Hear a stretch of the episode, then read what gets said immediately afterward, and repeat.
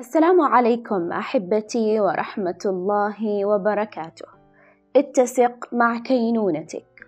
كل شيء من حولك يطلب منك أمرا ويجب أن تنتهي منه. فإن كنت في منتصف عمل ولم تكمله فيا للدهشة.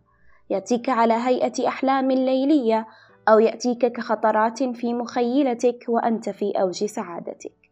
ينغص عليك ليلتك. فأنت لا تريد أن تنهيه لمسوغات في نفسك. تساؤلي لك هل يستحق هذا الجهد؟ ولذا؟ إن لنفسك لعليك حق وأنت مدرك لها فلا تجهد نفسك ما لا طاقة لها به. ارحمها واعف عنها فنفسك رقيقة. والسلام.